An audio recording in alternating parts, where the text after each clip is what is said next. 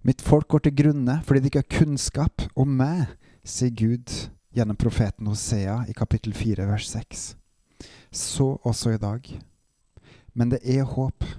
Velkommen til Gud i sentrum av meg, Håkon Winnem.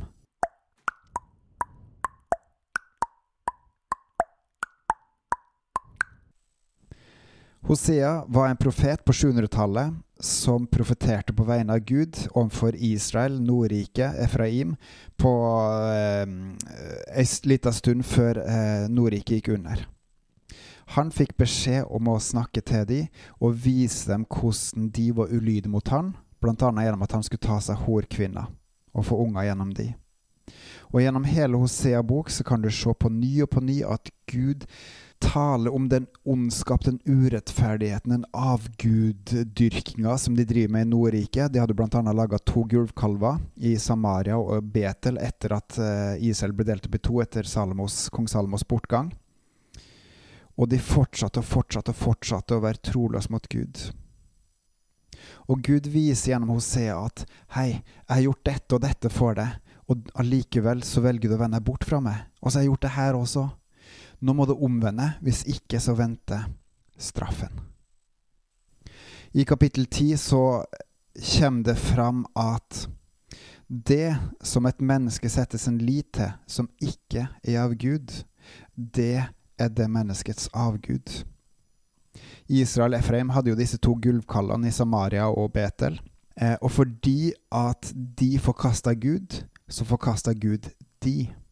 De var troløse, de gjorde opprør mot han, og de gjorde opprør mot sannheten, mot rettferdigheten.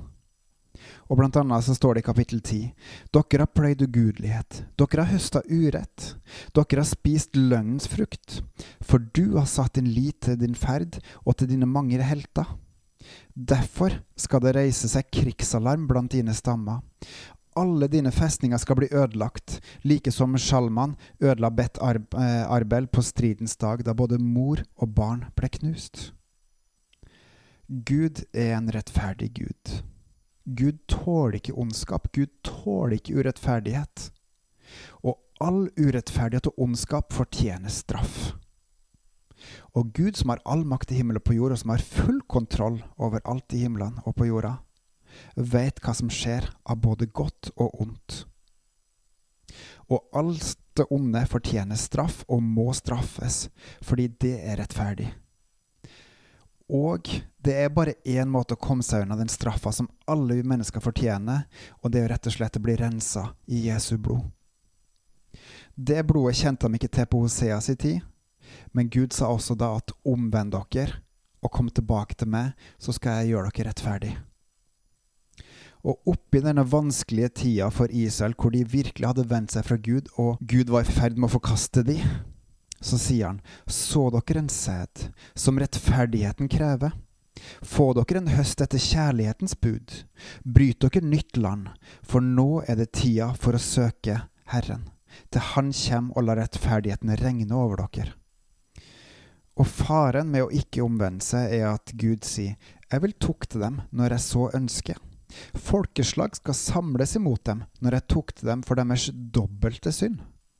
Og noe av den urettferdigheten de gjorde, finner man i kapittel 12. I kremmerfolkets hånd er det falsk vekt. Det er hans lyst å gjøre urett. Og Efraim sier, ja, jeg har blitt rik, jeg har vunnet meg gods. Men i alt mitt strev skal ingen kunne finne noen urett, noen synd. Og Guds svar i kapittel 13 er det var jeg som sørga for deg i ørkenen, i det brennhete landet. Fordi beitet deres var godt, ble de mette. Og da de ble mette, opphøya de seg i sitt hjerte, så de glemte meg.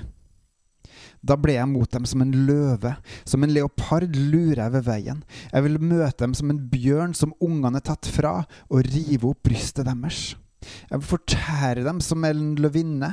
Markens ville dyr skal slite dem i stykker. Israel, det er blitt til din ødeleggelse at du har satt deg opp mot meg, jeg som er din hjelp. Og hør på den nidkjærheten som er her. Gud sier, 'Jeg har gjort dette', og du vender deg bort fra meg og gjør det onde i tillegg. Jeg har gjort det her, og du vender deg vekk. Jeg har gjort det her, og så videre. Og du har vendt deg bort fra meg, du har satt deg opp mot meg, jeg som er din hjelp. Og det som han sier, skjønner du ikke at det er som gir deg velsignelser? Det er som gir deg det du trenger. Og så forkaster du meg. Hvor hjerteskjærende er ikke det? Og hvor stor er ikke lengselen hos Gud etter å få dem til å vende seg tilbake igjen til Han? Som det står i kapittel 14.: Vend om, Israel, til Herren din Gud for du er falt ved en misgjerning. Kom med ord og vend om til Herren. Si til Han, forlat all misgjerning og ta imot det gode vi kan yte, så skal vi gi deg våre leppers offergaver. Asur skal ikke hjelpe oss, på hester vil vi ikke ride, vi vil ikke mer si til våre henders verk, vår Gud. For det er hos deg, Gud, den farløse finner miskunn. Og det er nettopp der håpet er, som det står videre i kapittel 14. Jeg, altså Gud, vil lege deres frafall. Jeg vil elske dem av hjertet, for min vrede har vendt seg fra dem. Jeg vil være som dugg for Israel. Han, Israel, skal blomstre som en lilje, og han skal slå røtter som skogen på Libanon. Hans skudd skal bre seg vidt utover, hans løv skal skinne som oljetre, og han skal dufte som Libanon. De som sitter i hans skygge, skal igjen dyrke korn og blomstre som vintreet. Minnet om han skal være som Libanons vin. Efraim, som altså er et annet navn for Israel Nordrike, Hva har jeg mer med avguder å gjøre? Jeg vil bønnhøre han og se til han. Jeg er som en grønn sypress, din frukt kommer fra meg. Hvem er vis, så han skjønner det her, forstandig, så han merker seg det? For Herrens veier er rette, de rettferdige ferdes på dem. Men overtrederne snubler der. Hvem er vis, så han skjønner det her, forstandig, så han merker seg det? For Herrens veier er rette.